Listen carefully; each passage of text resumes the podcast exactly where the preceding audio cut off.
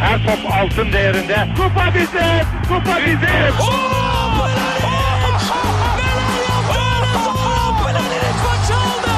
Dengeli de attı. İsabeti de buldu. Matta Fontaine. Zora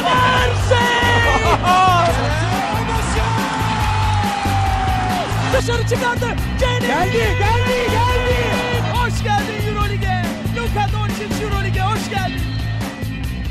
Bir başka Euroleague Podcast'te ikili oyunun 16. bölümüne hoş geldiniz. Ben Serkan Mutlu. Mikrofon diğer ucunda Tancan ve Ali var. Merhaba çocuklar. Merhaba.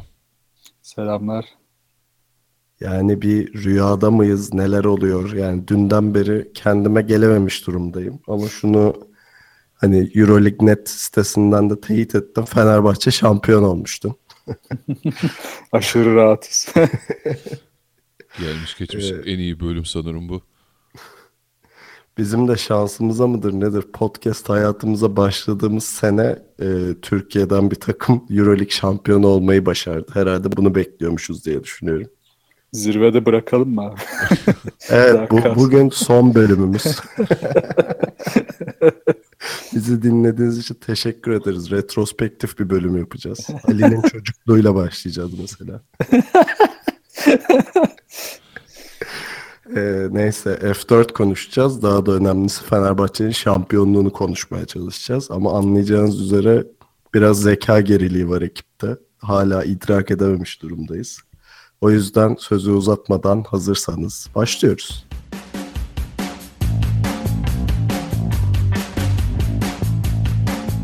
Fenerbahçe basketbol projesi diyelim buna artık. Nihayet e, özlediği, arzuladığı şeye kavuştu ve Avrupa'nın en prestijli, en büyük kupasının sahibi oldu. E, bildiğiniz gibi 3 senedir Final Four yapıyor Fenerbahçe. İlk Final Four senesinde dördüncü bitirmişti. İkinci Final Four senesi yani geçen sene finalde son topta yenilip ikinci oldu. E, bu sene ise aslında çok da rahat bir şekilde diyeyim. Yani son Final Four'dan bahsediyorum sadece Final Four maçlarından kupayı aldı. Ee, yani bir şey nasıl diyeyim bir geçiş bir ilerleme var zaten takımda. O da taçlandırılarak kupayla beraber bu hikaye tamamlanmış oldu. Ali senle başlayacağım. Nasıl görüyorsun Fenerbahçe'nin şampiyonluğunu gibi çok genel bir soru sorayım. Çok mutluyuz evet. Ee, evet e, sağ olun. bü- Gerçekten Ee, büyük bir başarı. ya şey aslında e, sezon geneli boyunca baktığımız hani sen şimdi şey dedin ya e, hani geliştiren bir Fenerbahçe vardı kendini işte üzerine koyan ama se- sezon boyunca biz aslında bunu hiç hissetmedik. Hatta kendi aramızda konuşurken sıkça da acaba Obradoviç bu sene hata mı yaptı? Transferlerde hata mı yaptık? Acaba olmayacak mı? Hatta çoğu zaman şimdi dürüst olalım olmadı bu sene gibi yorumlarımız e, vardı. Var aramızda öyle Evet, evet. şeyler. Şimdi de çok şey yapmayalım. Ee, ama playoff'lar başladığı günden itibaren bambaşka bir Fenerbahçe vardı önümüzde. Ee, ya işte Kalinic olsun, Veselisi olsun, Bogdanovic olsun çok üst seviyelere çıktılar artık bu bir üst seviye bile denmez. Hani bambaşka boyutlarda oynamaya başladılar. Ee, ve son 8 takım içerisinde zaten performans olarak Fenerbahçe'ye çok yaklaşabilen bir takım olmadı. Final Four'da dair. Ee, e, hem ilk maça Real Madrid maçına hem final maçına baktığımız zaman zaten e, Fenerbahçe hep çok küçük birkaç e, beşer dakikalık e, iki maçta da bölümler haricinde e, baştan sona maçı kontrolünde e, tuttu ve üstün götürdü. Ya beklediğimizden daha rahat maçları izledik açıkçası. Evet tabii ki de biz e, Fenerbahçe'yi desteklediğimiz için daha çok heyecanlandık belki ama hani tamamen e, hani tabii- Oyuncular bizden daha rahattı diyorsun. Vallahi yani evet e, o şeyler konsantrasyon falan çok üst seviyedeydi Fenerbahçe'de. E, yani inanmışlar gerçekten e, hiç kimseyi bırakmayacağız diye çıktılar zaten e, sahaya ve maçlara. Gerçekten de öyle olsun, öyle oldu. Helal olsun diyoruz. Peki Tancan şeyden hani normal sezondan playoff ve Final Four'a geçişi bir konuşalım o zaman. Ee, Ali'nin dediği şeye katılıyorum kesinlikle ama yani normal sezonunda Fenerbahçe'nin geçmişe göre tek kazanımı sanki şuydu. Ee, artık formasıyla maç alabilmesi hani kötü oynasa da o aurasıyla hani geri dönme başarısı, takım olabilmesi, maçın belli anlarında kenetlenip işte topu iyi paylaşabilmesiyle hani en azından isminin büyüklüğüyle maç alabilecek konuma gelmişti ama hani playoff ve Final Four'da Fenerbahçe basketbol çok başka bir seviyeye çıktı yani hani ya bizi de herkesi de şaşırttılar herhalde. Ne diyorsun? Ee, ben iki, iki taraflı bakacağım bunu. Ali'nin dediği noktadan gireyim. Yani sezon boyunca stabil bir Fenerbahçe izleyemedik aslında. Eleştirdik de. Ee, ama burada tek stabil olan şey savunmaydı. Buradan da senin dediğin noktaya geleceğim. Yani Fenerbahçe her zaman maç nasıl giderse gitsin, rakip ne kadar iyi durumda olursa olsun maç içinde bocalasa da savunmasını her zaman stabil tutarak her oyunda kaldı yani sezon boyunca. Ya kaybettiği maçları da hani biraz düşünürsek zaten hep yakın skorlar olduğunu hatırlayacağız. Ee, o yüzden hani buradaki temel konu zaten Obradovic'in maç öncesinde de birkaç fotoğraf çıkmıştı. Oyuncularla artık tek tek e, çıkarken kulaklarına fısıldıyor, şöyle konuşuyor, böyle bir motivasyon inanılmaz üst seviyeye çıkartmaya çalışıyor falan diye. Ya şuna geleceğim. Ya oyuncu bazındaki Final Four değişimi inanılmaz bence. Yani birkaç maç öncesi de var. Playoff'lara da katabiliriz buna. Özellikle Wesley. Wesley bütün sezon ortalıkta yokken, yani %80'inde yokken diyelim. İnanılmaz mental olarak çok güçlü geldi. Mesela beni çok korkutuyordu. Sonra Datome yine aynı şekilde bütün sezon eleştirdik. E, ama buraya iyi geldi. E, Nane çok stabil olmayan, devamlı dalgalı bir sezon geçirdi ama e, Final Four'da hücum etkisi olmasa savunmada kritik roller aldı. Yani özetle diyeceğim şu ki yani evet Fenerbahçe'yi eleştirdik ama Fenerbahçe savunmayı stabil tutup e, oyuncu bazındaki gelişimde en doğru zamanda yani en peak olması gereken, en tepeye çıkması gereken yerde doğru yaptı. Ya bu tabii ki hani Obradovic'in bence çok net bir başarısı. E, oyuncuların oyuncuların başarısı da şu şekilde hani bu 3 senenin verdiği artık tecrübeyi burada sahaya koymayı başardılar. Bu da çok büyük bir artıydı Fenerbahçe için. Bir de herhalde Fenerbahçe sağlığına da çok doğru bir anda kavuştu. Yani bütün sene e, işte sadece 7 maçta galiba öyle bir şeydi. Normal sezonda e, tam takım hani eksiksiz oynayabiliyorken playoff ve Final Four'da hiçbir eksik olmadan mücadele edebildi. Bu da Fenerbahçe'nin şansıydı yani hani bir yandan da. Yani şansı evet. demeyelim de şansının döndüğü andı diyelim. Aynen öyle. Önceki iki sezon düşünelim. Bielitsa'nın sakat geldiği Final Four'daki durumu evet, sonra hatırlıyoruz. Yani sonra Wesley sakatlandı. Ya bunlar da kritikti. Şanslıydık artı ya bu işte şeye de getiriyor ya. Bunlar bir araya gelince ya mental olarak Fenerbahçe diğer üç takımdan da çok üstündü ya. Yani e, hiç geri adım atmadı. Hiç ben ya mesela şey final maçına çıkarken çok rahattım ya. Yani Olympiakos'un ben şimdi biraz hadi tam maç bitti kıçından atma hocam diyebilirsiniz ama yani Olympiakos'un çok dayanabileceğine inanmıyordum Fenerbahçe'ye. Öyle de oldu. Yani tabii ki de ben ne olursa olsun Fenerbahçe favori çıktı e, şeye e, kupa finalinde ama şöyle bir dert var işte ben de bunu içimde hissediyordum. Ya Spanolis'in takımına karşı favori çıkmak çok sakat bir şey yani. E, CSK'nın başına bu kaç kere geldi ve gelmeye devam ediyor yani. E, ki herhalde şey e, Final Four'un en zevkli maçı yani basketbol açısından en zevkli maçı CSK Olympiakos yarı finaliydi. E, çok ciddi iyi bir geri dönüş. Yani hikayesi olan bir maçtı öyle diyeyim. E, o yüzden benim tek korkum oydu. Yani son çeyrek artık fark 16 olmuş. Hala ben şeyi düşünüyorum. Geçmişte Olympiakos'un oralardan döndüğü maçları düşünüyorum yani. Size de böyle oldu mu? Ya ben orada şeyi kafaya takmıştım. E, maçtan önce konuştum. Ya Spanulis'in kontrolden çıkarırsak bu iş bitecek diye. CSK hani maçtan sonra sizle de konuştu. CSK maçında 3 periyot inanılmaz sabırlı oynadı Spanulis. Yani hiç şey yapmadı. Oyundan düşmedi. Onun üzerine yüklendikçe oyunda kaldı. Ama Fener maçında bir noktada biz bunu başardık. Yani kontrolden çıkardık Spanulis'i. Yani 5'te 0 ikilik, 7'de 2 üçlük ki üçlüklerin çoğunda e, daha doğrusu Ekpeyudon önünde kalıp birinde blok yapıp birinde de aşırı zor bir atışa zorlaması zaten onu psikolojik olarak da bitirdi. Sonra çembere bile bakmadı. O açıdan hani bunları görünce ben daha da rahatladım maç içinde. Özellikle de Ekbe'nin Spanis'e bile ondan sonra. Ya Spanulis'in de şanssızlığı tabii karşısındaki takımın e, koçu Avrupa basketbolunun en büyüğü. Yani tam Spanulis e, gördüğümüz en winner adamlardan biri olabilir ama e, karşı tarafta belki de daha da büyük bir winner var. E, evet, Tancan'ın, Konulara geleceğiz Ali. Tancan'ın dediği gibi evet, Fenerbahçe e, maç başından beri e, Spanulis'e hiç istediği alanları vermedi. Ama e, bildiğimiz gibi tabii Spanulis e, illa ritim bulmaya e, gerek duyan bir oyuncu değil. Bütün maç 10'da 0'da atıp son 2 e, dakikada maçı alabilen bir adam ama tabii Fenerbahçe hiç e, o ışığı ya da fırsatı vermedi kendisine. Hani Spanulis o noktada atmaya başlasa bile dönmeyecek bir maçtı.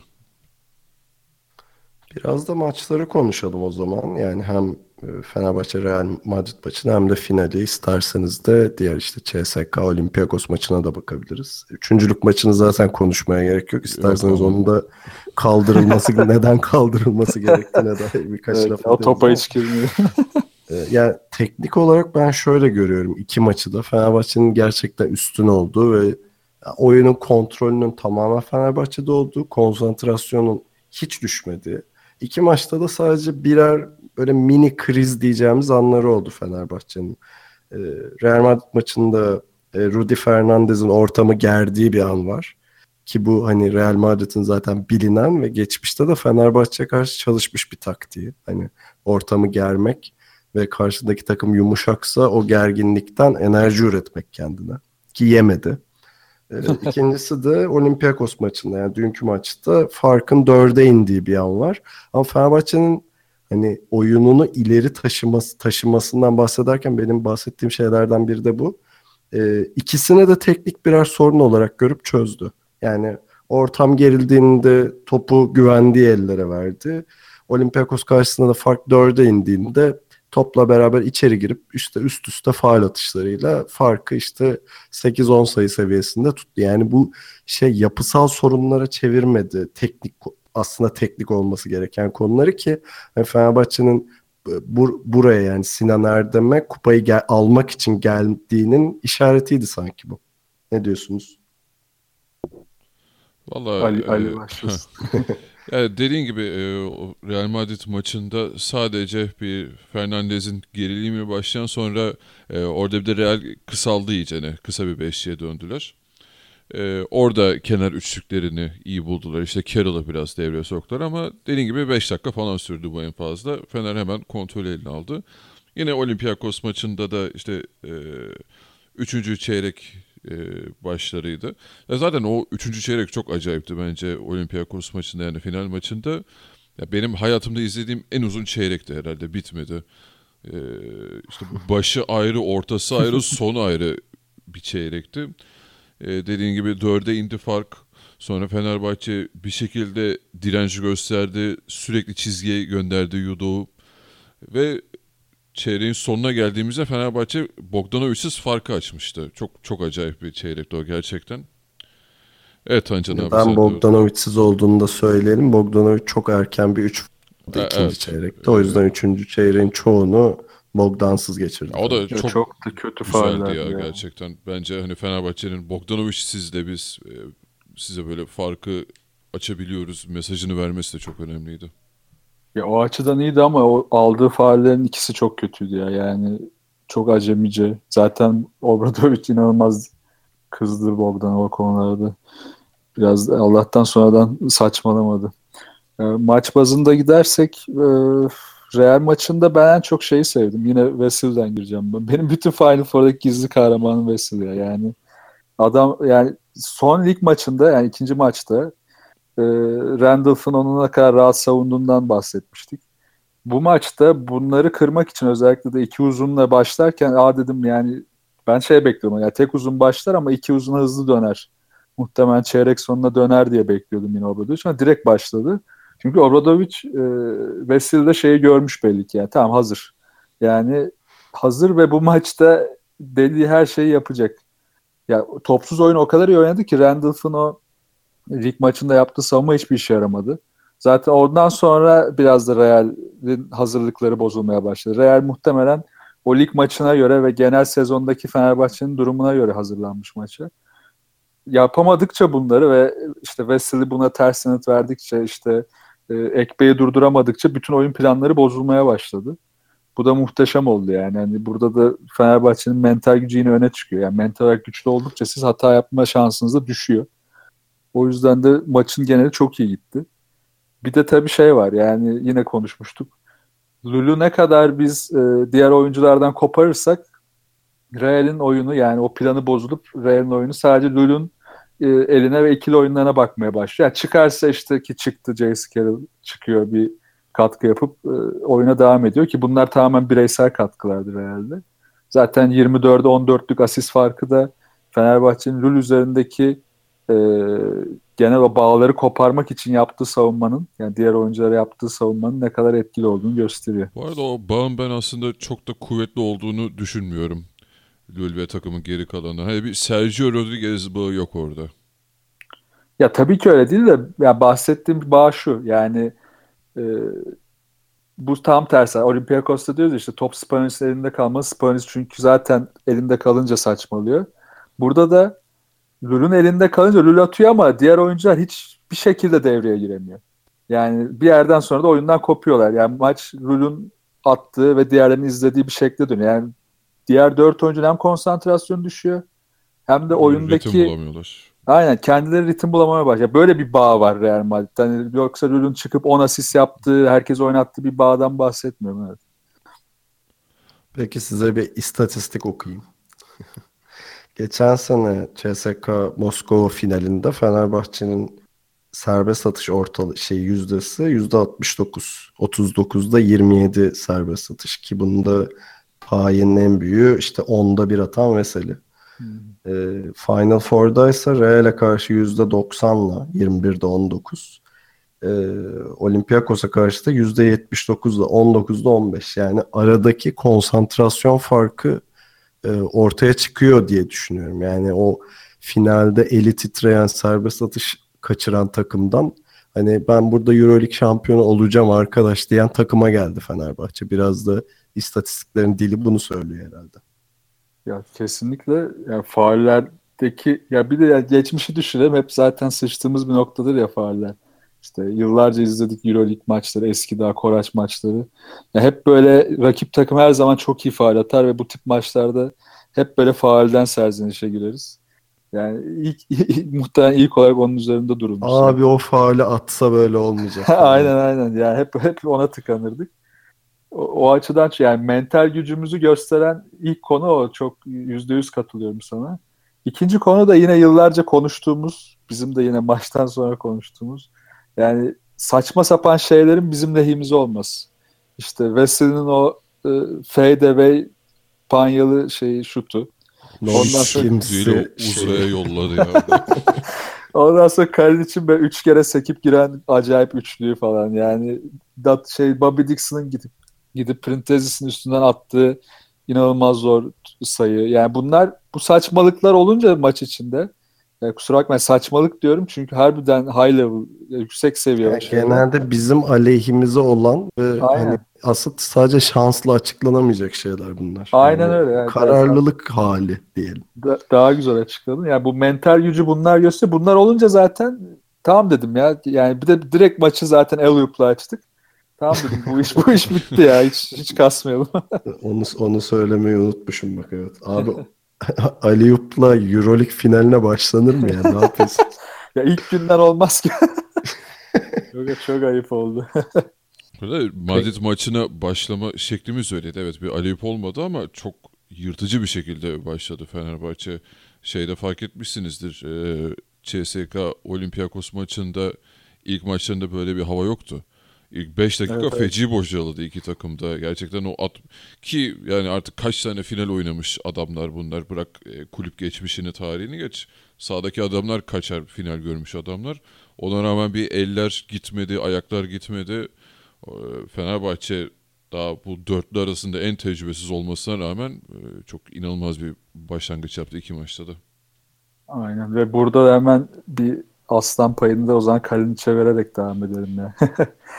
Yani, yani bu bahsettiğim bölümlerin hepsinde Kalinic ön plana çıktı. Ya Özellikle Adam playoff'u Final Four'u bir garip oynuyor yani. Ya evet ya. Ve çok- e, şeyde hafta içinde bir demeci var. E, hani koçun bana güvendiğini parkede hissedebiliyorum dedi. Yani bu çok klasik bir Avrupalı basketbolcu demeci aslında. Hani koçuyla özel ilişki kuran ve ondan beslenen oyuncu demeci bir yandan ama ya gerçekten Kalinic'in e, normal sezonda yaşadığı bütün sorunlar işte şutunun düzensizliği, teke tek e, adam adama savunmada işte adamını kaçırması falan bunların hepsi Final Four'da ortadan kalkmıştı. Ki yani Fenerbahçe'nin Yudoh'tan sonraki kesinlikle X faktörü Kalinic oldu iki maçta da.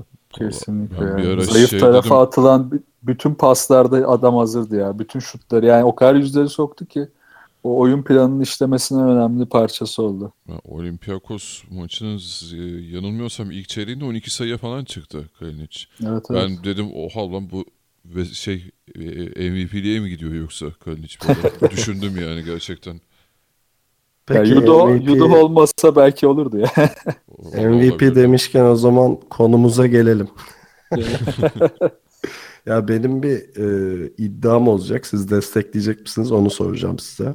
Öncelikle birkaç rakamdan bahsedeyim. Real Madrid maçı 18 sayı, 12 rebound, 8 asist, 3 top çalma, 2 blok, 36 verimlilik puanı. Olympiakos maçı 10 sayı, 9 rebound, 4 asist, 5 blok, 29 verimlilik puanı. E, ya ben şunu demek istiyorum. Ekpe Yudo Avrupa'nın LeBron James'idir arkadaşlar. Ben Ya buna katılıyorum. ya. her yönüyle oynayan ve hani üzerinden oyun kurabileceğin sadece hani dış atış e, şeyi olmaması, tehlikesi olmaması hariç hani o bütüncül anlamda oyunu oynayabilmesi adına hani bu biraz da iddialı demeci veriyorum. Bilmiyorum katılıyor musunuz? Onunla ilgili açıklaması da var ya üçlükle ilgili şey işte. Ha isteseler atarım falan. Aynen aynen. E, atarım ama ne bileyim pek talep yok bu konuda falan değil mi? Ya bence yani ben LeBron'la çok karşılaştırmam ama şeye çok benzetiyorum. Hani bu Shaquille O'Neal'ın Lakers dönemindeki ve veya e, Sabonis'in e, Avrupa'yı domine ettiği dönemlerdeki e, oyunlarına çok benzetiyorum. Ya oyun şekil olarak olmasa bile gerçekten dokunulamıyor Yudo'ya. Yani her şey her şeyi yapıyor. Ve her şeyi istediği gibi yapıyor. Tabii benim bahsettiğim yani Avrupa'nın LeBron'u derken dediğim şey de o hani oyunu her tarafında oynaması ve yani oyunu domine etmesi. Çünkü hani kime baksan herkes şey diyor Ekpe'yi durduramıyoruz diyor yani. Adam asist yapıyor, blok yapıyor, top çalıyor. İşte neredeyse triple double yapacaktı zaten Real Madrid maçında. Evet. Hani o yönden ben LeBron'a benzetiyorum. Yoksa oyun olarak değil Tabii yani tabii. yanlış Ya, anlaşılmasın. katılıyorum da yani o şey de çok ilginçti ya. Real Madrid maçında Ion'la Hunter'ı paket etti ya. İkisi birden silindi sağdan. Çok Ya ilginçti. bir, bir de bütün bağı kuran adam ya. Yani diğer dört kişinin yapması gerekenleri yapabilmesi için gerekli tek parça. Yani bu oyun bu bu pozisyonda bunu yapmak o kadar değerli ki özellikle Avrupa için. Yani ikinci bir Ekpeyodo yok şu anda Avrupa'da. yani Yanına o yüzden de- bile yok ya. Aynen. Yani LeBron benzetmesini o açıdan da doğru buluyorum. Yani hatta LeBron'la Kawhi karışım değiliz ya. İkisini takımlarından çekince ne hale geldiklerini görüyoruz yani. O yüzden Yudo e, işte screen'e geldiğinde oynanacak oyun ona göre belirleniyor. İşte savunmada yaptığı yardıma göre savunma ona göre şekilleniyor. İşte switch yapıldığında onun yapacağı savunma çok kritik. Mesela maç boyunca e, Olympiakos devamlı Ekpe'nin savunduğu oyuncudan screen getirmek zorunda kaldı. Çünkü alternatif yok. Daha iyi screen yapan bir oyuncuları da yok. Buraya hiç çözüm üretemediler.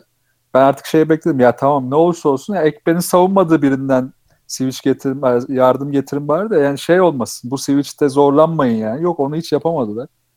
Yani Yudo o kadar etkili ki e, zaten sanırım Obradoviç de bunu açıkladı. Yani Yudo olmasa e, bayağı hiçbir şey yapamayacak duruma geliriz diye. Yani gerçekten Obradovic öyle. şunu dedi. 25 yıllık kariyerimde gördüğüm en kararlı oyuncu mu? En bir şey Yani öyle böyle bir şey bir dedi, aynen.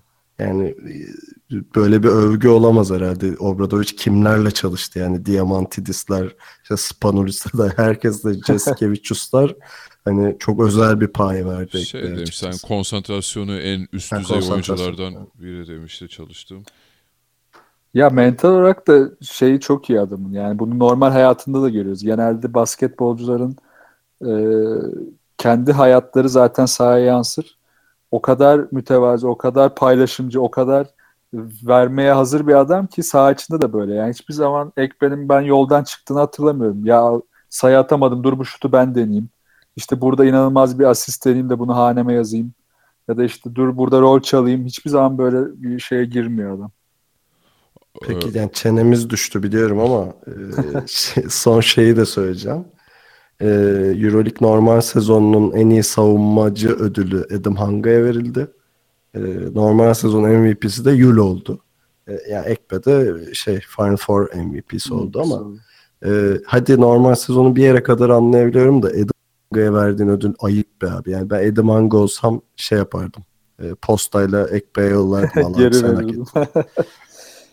ya o çok ilginç oldu ya. Yani cidden ben bayağı şaşırdım ya. Şok oldum diyebilirim bu karar için. Ya büyük saçmalık ya. Ya gerçekten ödülün kıymetini e, sildi yani bu seneki. Hiçbir anlamı kalmadı o ödülün. Ya bir de şeye de yani Eddie Manga'nın yaptığı şeyleri izledik sezon boyunca. Evet, en iyi savunmacı listesinde illaki adı geçecek ve hani tepeye bile zorlayabilecek bir oyuncu ama yani Yudo'nun performansı takıma verdiği ve modern oyun içindeki değerine bakınca özellikle bu yeni sistemde de ne kadar değerli olduğuna yani hani şu değil ya biz Ekbey ile hani şunu kıyaslarız da o olur değil yani Hanga tamamen farklı bir sınıftan gelip aldı. O da daha da saçma bir hale getirdi ödülü. Ya ne bileyim NBA'deki gibi All Defensive Team gibi bir şey kuruluyor olur hani açıklanıyor Heh, olur. aynen. Onda Adam Hanga'nın yeri olur da en iyi Aynen. savunmacı ne yapıyorsun abi sen? Ma- maçları Aynen izlemedim yani? Çok acayip.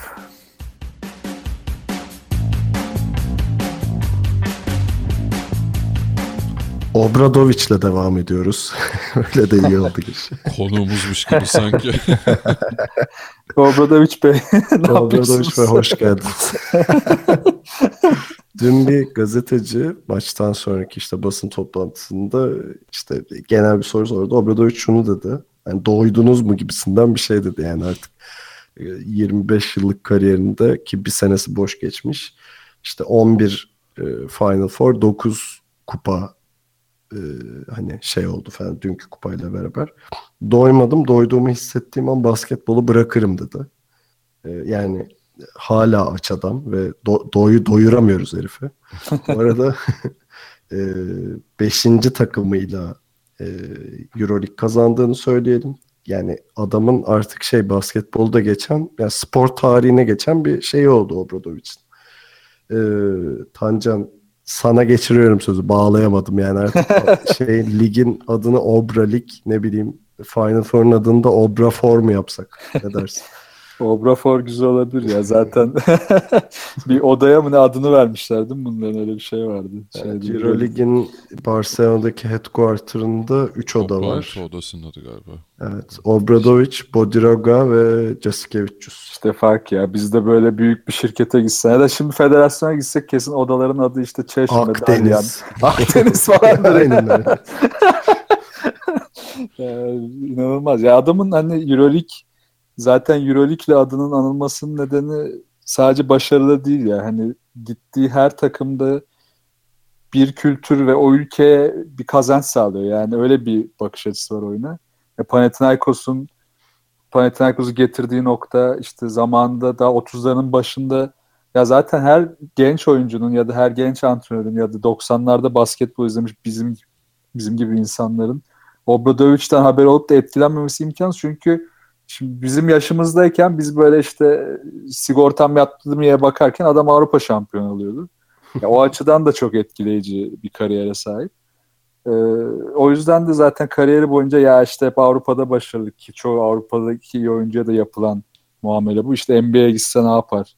Ki bununla ilgili de Sokrates'te güzel bir açıklaması vardı işte. E, işte NBA'ye gidersen işte çok agresif olduğumu oradaki oyuncularla anlaşamayacağımı düşünüyorum. Herhalde herhalde bunu söyleyenler bayağı geri zekalı olmalı gibi bir açıklaması vardı. Çünkü Obradovic e, elindeki malzemeye, oyunculara, yöneticilere, herkese nasıl davranacağını, nasıl davranırsa bir bağ kuracağını, ya bu yanlış anlaşılmasın. Yani nabza göre şerbet değil de e, iletişim becerisinin ne kadar yüksek olduğunu gösteriyor. Ki zaten coaching'in %90'ı e, oyuncu yönetme, yani man management üzerinden geçer. Geri kalanı hani taktiksel konular bir ekip işi olarak ortaya çıkar. Ama e, bütün yönetim koçun elindedir ne olursa olsun. Bunu muhteşem yapıyor ve hani bu bunu yaptığı sürece de hani başarının başarının devamını dilerim gibi olacak ama başarının devamı kesinlikle gelecektir ve hani doymamasının nedeni de bence bu işten aşırı zevk alması. Yani şundan zevk alıyor ama kupa almaktan değil kendi eliyle yarattığı bir şeyin başarıya ulaşmasından zevk alıyor adam. Yani Bogdanovic'in 3 yılda geldiği noktayı düşünelim. Ekpe Yudo'nun kariyerini düşünelim. Hepsini alıp e, nakış gibi işledi. Yani Wesley'nin durumu, Wesley'nin ilk sezonki hali, son sezonki hali. Yani bütün oy oyuncular, elinden geçen herkes iyi bir noktaya geliyor ve bence Obradovic bunları gördükçe inanılmaz tatmin oluyor. Ali sana vereceğim sözü. Ben sadece şeyi eklemek istiyorum Tancan'ın diyeceklerine, dediklerine. Ee, yani Obradovic'in ilk Euroleague şampiyonluğu Partizan'la 91-92 senesinde. Yani bundan 25 yıl önce.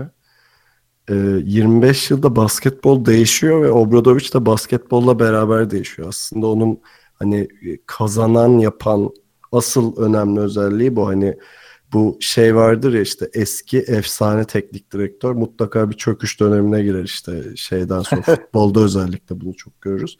Ama Obradovic böyle değil. Tancan'ın da belirttiği gibi adam kazanmak için ne gerekiyorsa yani kendini değiştirmesi gerekiyorsa kendini takımı değiştirmek istiyorsa gerekiyorsa da takımı değiştirdiği bir e, şey var. Ben bu özellikle bu yönden çok saygı duyuyorum Obradovic'e. Buyur Ali biraz da sen öv. E, bu arada sadece takımı da değil, e, şu da var. E, İsmail Şenol'un bu e, Final Four'dan hemen önce bu medya gününde bir saate yakın Obradovic'te bir röportajı vardı. Ya orada da çok güzel ipuçları veriyor zaten bize. Mesela bence antrenman şekillerimizi de değiştirmeliyiz diyor. Daha çok şimdi bu Eurolig'in yeni formatıyla beraber biz de belki antrenmanlarımızı NBA'deki gibi yapmalıyız diyor. Ee, yani gerçekten sadece işte e, oyuncuyu parlatması veya maç içerisindeki taktiksel taktiksel dehası değil, e, içine girdiği organizasyonu çok büyütmesi, yüceltmesi e, inanılmaz.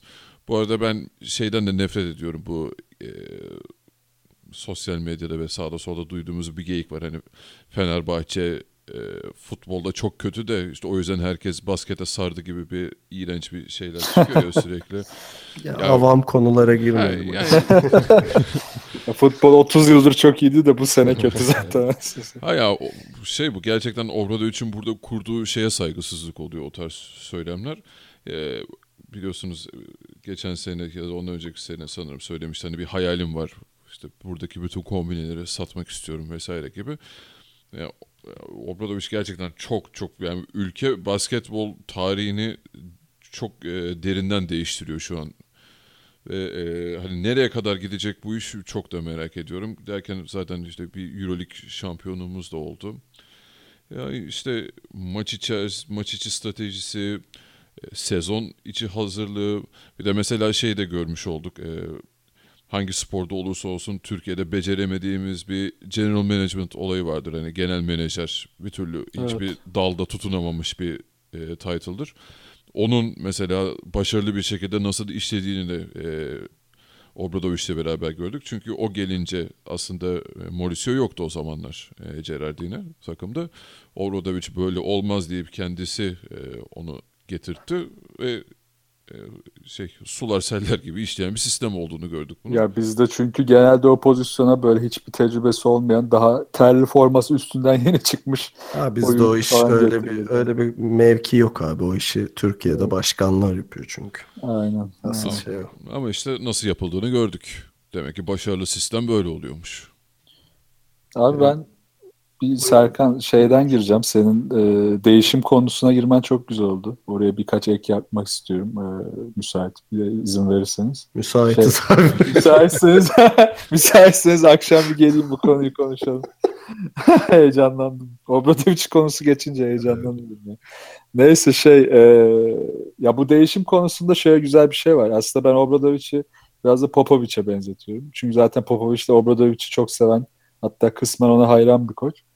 E, değişimi yaparken hiçbir zaman egolarına yenilmeyen adamlar bunlar. O açıdan çok iyi. Yani e, Obradoviç ile Popovic'in mesela hani ilgisini çeken varsa FIBA'nın YouTube hesabına girerlerse orada e, arattığınızda ikisinin de Obradoviç'in e, pick and roll offense üzerine bir güzel videosu var. Bir de Popovic'in işte team management e, ve işte San Antonio'nun felsefesi üzerine bir videosu var. Bu ikisini izleyince zaten bu dediğim daha iyi anlaşılacak.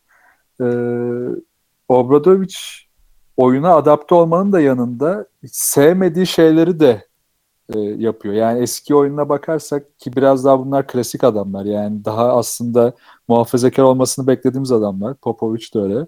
Ama ne kadar sevmeseler de bazı şeyleri yapmak zorunda oldukları ve aptal olmadıkları için bunu çok iyi yapıyorlar. Ee, o yüzden de hiçbir şeyden kaçmıyorlar.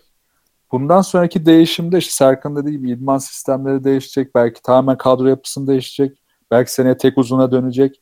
Yani bunları ben yine Obradovic'in seneye de daha yapıp direkt e, Sırbistan'daki finale Belgrad Belgrad'a favori olarak gideceğini düşünüyorum şimdi. Yani zaten hani oyunun kendisi değişiyor, organizasyon değişiyor. Yani EuroLeague'in formatı değişiyor. Belki de şöyle bir şey olacak ki isterseniz konuşalım bunu. Final Four atıyorum. İşte best of five üzerinden oynanacak ileride vesaire. Ya da işte takım sayısı artıyor bir şeyler. Yani devamlı bir şeyler değişiyor ama değişmeyen tek şey var. Obradovic kupa alıyor. Yani bu, e, dün bir tane de şey gördüm çok güldüm ona. Obradovic Real Madrid'i yakaladı diye. Yani Real Madrid'in 9 kupası var. Obradovic'in de 9 kupası var. Aynen, İnanılmaz bir şey. yakaladı ya.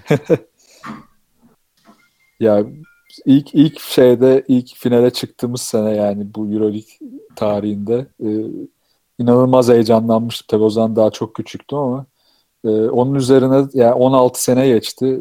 Yine aynı heyecanı hissettirdi bana. Yani spordaki işte bu yani futbolda alamadığımız heyecan bu. Yani bir kere bütün belki futbol tarihinde bir kere hissediyoruz ama basketbolda bu heyecana yaklaşmayı bile hissetmek her sene bize bir mutluluk veriyor artık.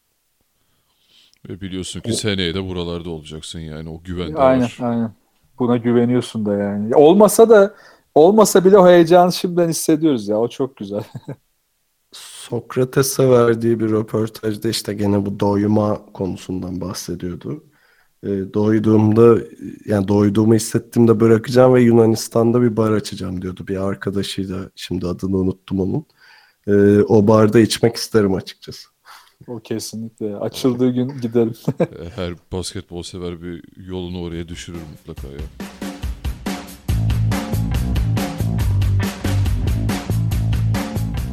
Biraz da geleceği konuşalım. Yani hem Fenerbahçe'nin geleceğini hem de aslında ülke basketbolunun geleceğini. Ee, ya şöyle yanlış bir algı var insanlarda. Bunun dün işte Olympiakos başkanı da böyle bir saçmalamış. Sanıyorlar ki parayı basınca Euroleague kupası geliyor. Birincisi işte bütçemiz yok yok işte Fener'in bütçesi yüksek vesaire. Bu arada Fener'in bütçesi Real ve CSK'dan daha düşük. Üçüncü sırada. Ee, bir bu konu var konuşmak istediğim. İkincisi de tabii ki de dün e, dünkü final Türkiye'nin dört bir yanında belediyelerin de e, organizasyonuyla dev ekranlardan yayınlandı. E, ve yıllardır hani Efes'in Koraç zaferinden beri görmediğimiz hatta ondan da daha fazla bir kenetlenme ve basketbola ilgi konusu var. E, baktığımda yarı final maçı yani Fenerbahçe Real Madrid maçı muhtemelen finalde bu geçilmiştir ama reytingi 62. E, ikinci sırada Survivor var 8. Yani aradaki fark çok net. Survivor. E, e, ve Obradoviç dün bir şey dedi. İstanbul artık bir basketbol şehridir dedi ki bu çok çok önemli bir açıklama. Bunun altının da dolu ol, dolu olduğunu biliyoruz da ileride de doldurmamız gereken bir açıklama bu. E, deyip Tancan sana veriyorum sözü. Bu iş parayla oluyor mu abi? ya bu iş parayla olsaydı CSK bayağı her sene şampiyon oluyor olurdu. parayla olmuyor maalesef. Hatta parayla olmadığını daha önce Olympiakos da kanıtladı. Yani elindeki tabii ki o da bir para harcadı. Diğer takımlara göre daha iyi bütçeleri vardı ama her zaman en yüksek bütçe sahip değildi. Her, aynı durum Panathinaikos için de geçerli. Yani iniş çıkışlarına, tarihine bakarsak. Yani bu iş parayla olmuyor ve şöyle oluyor. Yani bir kültürü oturtmaya başladığınızda bir düzene bir sistemi sürekli hale getirdiğinizde oluyor. Yani Koreç diyoruz işte yani arada aldığımız kupalar tabii ki var işte Euro Challenge, Euro Cup, Kadınlar Euro League e, bu arada aldığımız Avrupa kupaları var ama yani bunun Türkiye için hani Türk bakış açısıyla ya da Türkiye'deki spora olan ilgiyle kıyasladığımızda duygusal değeri Euroleague ve Koraç kadar değil. Hiçbir zaman da olamayacak. Ama bu yanlış anlaşılmasın. Onları değersiz ya da işte ikinci sınıf gördüğümüz için değil. Buradaki kültürden dolayı. Yani bilmiyorum belki İspanya'da olsaydık bu olaya daha farklı bakardık. Yani tamam işte ne güzel Euroleague'de de şampiyon olduk bu sene. iyi oldu. Kadınlar da şurada başarılı oldu. Muhteşem deyip geçecektik. Daha daha alışılmış ve daha duygu yükü düşük şeyler olacaktı bizim için. Ama bizde öyle değil. Ha, ama bundan sonrası daha kritik. Ee, yani bu iş parayla olmuyor, düzenli oluyor. Bu düzeni ne kadar sürdüreceğiz? Yani şimdi Koraç Kupası'ndan bu döneme geldiğimiz makas çok geniş. 21 sene. Şimdi bu bir sonraki şampiyonluk ya da bir sonraki başarı ya da düzenli gelecek başarıların makası bu kadar yüksek olamaz. Olmamalı da. Yani biraz aslında şu an bana şey gibi geliyor yani böyle federasyonu görüyorum, Türkiye'yi görüyorum. Bir ton aksaklık bu tip başarılarda unutulur ya hemen. Yani yine unutulup bir lale devri e, geyiği yapacağım ama lale devri yaşıyormuşuz gibi bir havaya girersek bu iş kötüye gider. Çünkü basketbolun dışında da değişkenler Türkiye'de çok fazla. Yani ekonomik durum, Türkiye'nin de geleceği e, şu an belirsizliğini koruyor. E, bu yüzden basketbola bizim nasıl bakacağımız ve artık altyapıdaki sistemi nasıl değiştireceğimiz hani artık şey geyinden çıkıp abi tesisleşiyoruz işte her yere salon yapacağız. Türkiye'nin dört bir yanını salonlarla sahalarla dolduracağız geyiklerini bırakıp artık elimizdeki antrenörleri geliştirip oyuncuları daha e, işte Obradovic'in dediği gibi idmanları değiştirip belki de hatta bu işi Obradovic'in öncülük edeceği bir sistem yaratıp e, bu lale devrini atlatıp e, düzeni sürdürmemiz lazım. Yani bu işin parayla olmayacağını ancak böyle kanıtlayabiliriz. Ali. E, Valla parayla olmadığını zaten en güzel örneği bu sene herhalde Armani, e, Maccabi, Barcelona.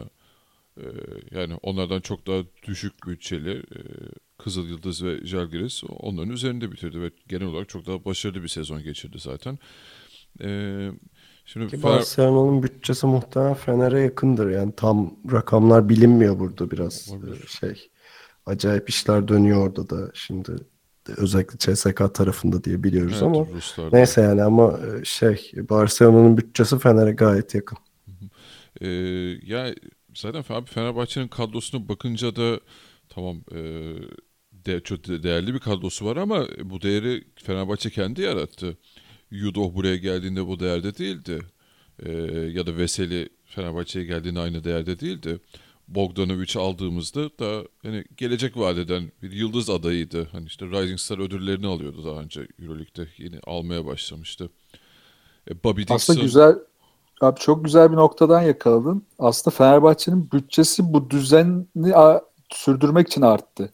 Yani o açıdan çok güzel yakaladın. Yani Yudoh geldi 900 bin dolar oynuyordu yanlış hatırlamıyorsam. Aynen. Şimdi 2 milyon gibi rakamlardan bahsediliyor. Pardon araya girdim abi. Yo, yo, Veseli de öyle. Antic biraz aynen, aynen. orada ağır bir yük. Hani şey fiyat performans oranında falan. Evet Fener kadroyu korumak için para harcadı açıkçası. Aynen. Ama o işte parayla bu kadroyu yaratmadı ama Fenerbahçe'nin en büyük kalemi Obradovic. Aynen. E, bütün oyunculardan fazla kazanıyor Obradovic ve yani helal olsun sonuna kadar zaten onu hani e, konuşmak için o parayı söylemedim bunu ama işte mesela e, Datome yine bitik bir halde geldi. Kalinic yine gelecek vadeden bir adam olarak işte Dixon neyse hani şimdi tek tek de saymayayım de e, Fenerbahçe ya Obradovic bu adamları parlattıktan sonra Fenerbahçe'nin bu sene daha şişkin bir bütçesi oldu ve e, isim sponsorunu kaybedip bunu tutmaya çalıştı. Burada da büyük bir fedakarlık var kulüp açısından. Onu da e, es geçmemek lazım. E, yani keşke bütün kulüpler böyle şeyler yapsa ondan sonra zaten kimsenin bütçe konuşacağını zannetmiyorum. Ee, geleceğe bakarsak da e, artık yani federasyona da gerçekten burada iş düşüyor. Bence sorumlulukları da arttı Fenerbahçe bu kapı e, bu başarıları yakalayınca. Ya artık şu şeyden bir çıkalım. E, gelecek sene yabancı sınırı ne olacak geyi bir bitsin artık şu ülkede. Of evet ya. Yani o kadar başarı geliyor. İlk konuştuğumuz şey Türk mü yabancı mı yani? evet, yani işte Dixon devşirme mi oynayacak yoksa Emir mi oynayacak? Milli takımı şeyi mi alacağız? İşte yok milli takımı çalıştıran şunu da çalıştırabilir mi? Kulüpte şey olur mu falan. Yani gerçekten kendi ayağımıza sıkmaktan bir vazgeçelim. Bir önümüze bakalım. Ne güzel bak e, güzel örnekler görüyoruz işte burada kendini bulan oyuncular görüyoruz. Türkiye şeyden de çıktı artık. E, sadece burada güzel salonlarımız var, iyi organizasyonlar yaparız noktasından çıktık. Dört takımlı Euroleague e, sezonu geçirdik. İki takımlı playofflara gittik. Şampiyonu çıkardık. Gerçek... Ali'cim üç takımla gittik. Ha pardon. E, üç takımlı playoff oynadık. E, şey doğru getirecekler. Hani iki takımlı keşke de Final Four oynayabilsek diyecektim de karıştı orada neyse. Ee, yani güzel değerler yarattık bu sene. Basketbolda da artık e, sadece dediğim gibi organizasyon değil oyun anlamında da biz varız dedik. Ee, işte hani... Abi hangi organizasyon için bütün meydanlara TV, MV kuruluyor zamanda? Bu kadar potansiyeli artık gör.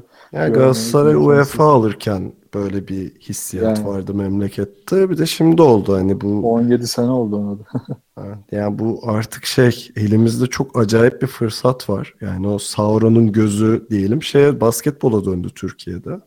E, ve hani yıllarca işte boş kalan sala, boş kalan salonlardan vesaireden dert yanarken hani Fenerbahçe'nin yani kulüp olarak Fenerbahçe'den bahsedelim. Futbola ilgi günden güne düşerken basketbolda kombine bulamıyorsun. Ya kombine kuyruğu var. O sığ görüş şunu anlamıyor. Yani insanlar futbola niye gidiyordu?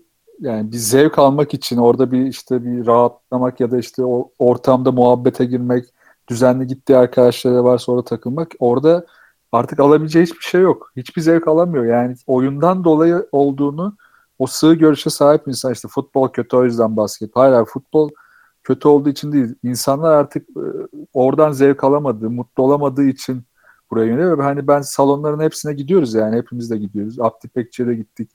Ülkelerine de gittik. Yani oralarda gördüğümüz ortamları e, hepimiz şahit oluyoruz yani. Herkes çok mutlu, herkes keyifli. Böyle çok saçma şeyler olmazsa ne tartışan var ne bir şey var. Çünkü herkes artık gideyim de ben harbiden artık zevkle bir şey yapayım. Lütfen çok sıkıldım tadında gidiyor maçlara. O yüzden de bu seviyeye geldik. İkinci konu da şunu artık anlamamız lazım. Yani Ali'nin dediği konular dediği şey çok doğru. Yani yabancı sınırı bilmem ne. Biz hala şeyi ayıramıyoruz ya. Yani bizim yetiştirdiğimiz oyuncunun nerede doğduğu önemli olmamalı. Yani o da artık bizden biri. Yani Yunanistan'a şu, şu anda gitsek Antetokounmpo her yer ya. Yani boydan boya Antetokounmpo posteri, işte tabelalar her yer Antetokounmpo. Ama bir kişi de çıkıp ya Antetokounmpo Nijeryalı bizde oynamalı mı falan diye tartışmıyor yani adamlar. Bizde olsa kesin tartışılır. Yani artık bunları aşıp bizim altyapıdan yani gerekirse Sloven olsun, gerekirse ne bileyim Sırp olsun, Nijeryalı olsun, ne, neresi olsa fark etmez. Yani bizden birini yetiştirmek önemli olan. Ya bir de dün Bobby Dixon e, final maçından sonra Türk bayrağıyla sevinç gö- şey yapıyordu gösterisinde bulundu. Sordular e, ben bu ülkenin vatandaşıyım ve bu ülkenin bayrağıyla geziyorum dedi. Yani bazı değerleri de unutuyoruz. Adamın derisinin rengine bakıp Türk olduğunu unutuyoruz gibi geliyor bana. Aynen öyle. Yani bu çünkü klasikleşmiş yılların kalıplarından kurtulamadığımız için oluyor işte. Bu bu iş parayla olmuyor ekleyeceğim bir şey daha var. Ee, hani bu iş parayla olsaydı şu olurdu bu olurdu diyoruz. Fenerbahçe evet çok ciddi yatırımlar yaptı basketbola ama hani bu işin parayla olmadığının en büyük e, kanıtı da gene Fenerbahçe'nin kendisi. Yani Fenerbahçe yıllardır hırpalanıyor çünkü.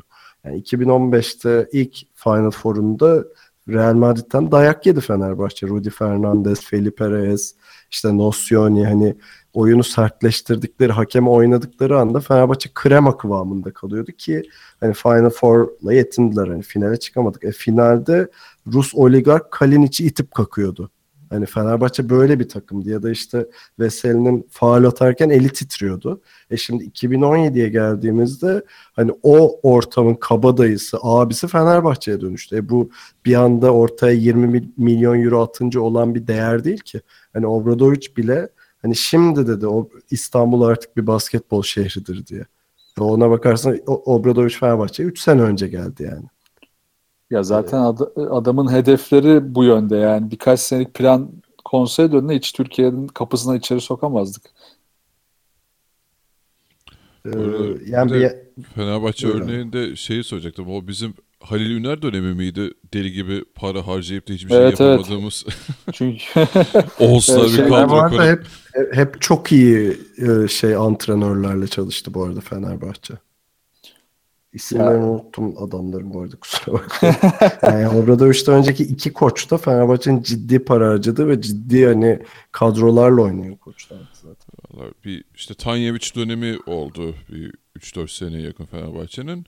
Sefia Sefaya mıydı neydi o Ah, dönem Sefaya, vardı. Ee, o da sanırım NBA'de şu an bir yardımcı antrenörlükte. Ondan önce de Aydın Öz dönemi vardı Fenerbahçe'nin zaten. E, ya orada gerçi evet dediğin gibi yani onun temelleri aslında e, o dönemlerden atılmaya başladı. Hani bir günde e, tamam Jelko geldi ve biz şampiyonuz olmadı tabii ki.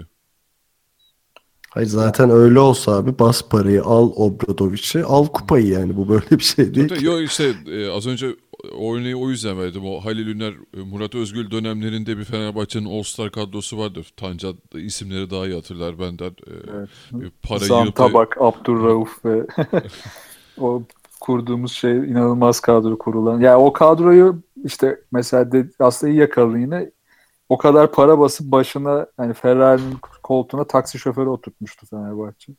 O yüzden de olmamıştı o iş. Yani bir de mesela Halil Üner gibi koçlar o dönem artık son dönem, demlerini yaşıyorlardı. Ee, ve Obradoviç'te övdüğümüz işte kendini geliştirme, değiştirme özelliği mesela Halil Üner'den yola çıkarsak Türk koçlarında maalesef hiçbir zaman olmadı. Yani bunu Oktay Mahmudi'yi de, Ergin Ataman'ı da, işte Halil Üner'i de, Murat Didin'i, Çetin Yılmaz'ı hepsine ekleyebilirim. Hiçbiri maalesef e, bu gelişime, değişime ayak uyduramadılar ve %80'i yok oldu zaten.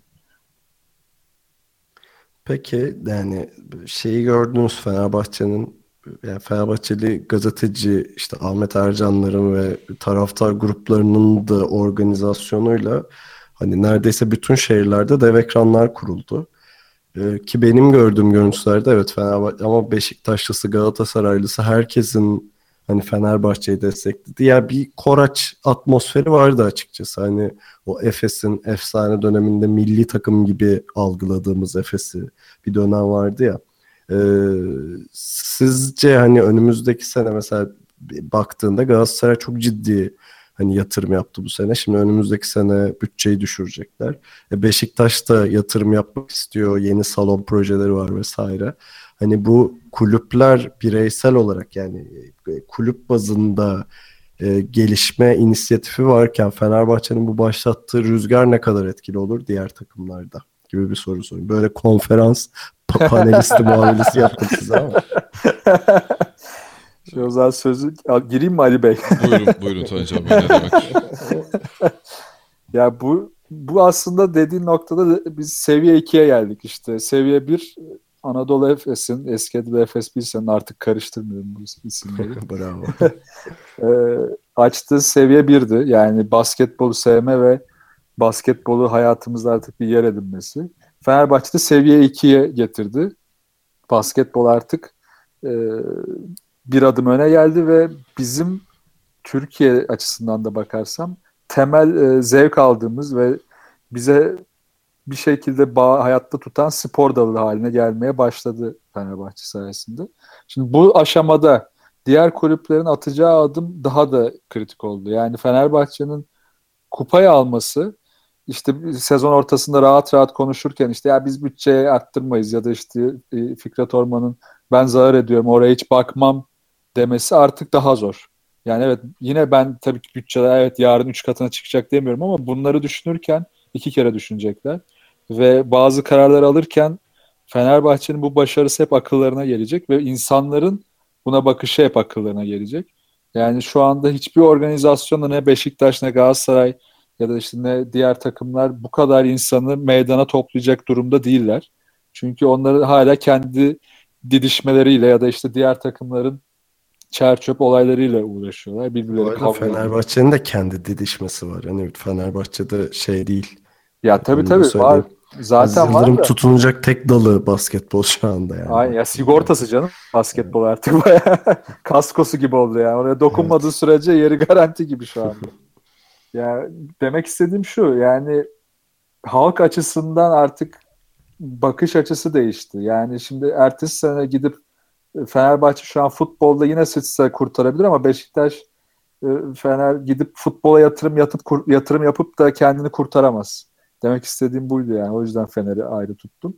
Hı hı. Ee, ya bu dönem iyi değerlendirirsek bir sonraki aşama üçüncü seviye. Yani artık kendi oyuncularımızı da yetiştirip yanına milli takımı da koyup kulüp takımlarının daha istikrarlı başarı elde ettiği seviye. Yani buraya ne kadar sürede geleceğimiz önemli. Ben de bence geleceğiz. Ama bu 30 sene olmamalı, 20 sene de olmamalı. Yani minimum 10 sene içinde bu noktaya gelebilmemiz lazım. Yani Koraç'tan Eurolig'e çok bekledik diyorsun. Aynen, Yaşlandık aynen. o. Çok, çok bekledik abi.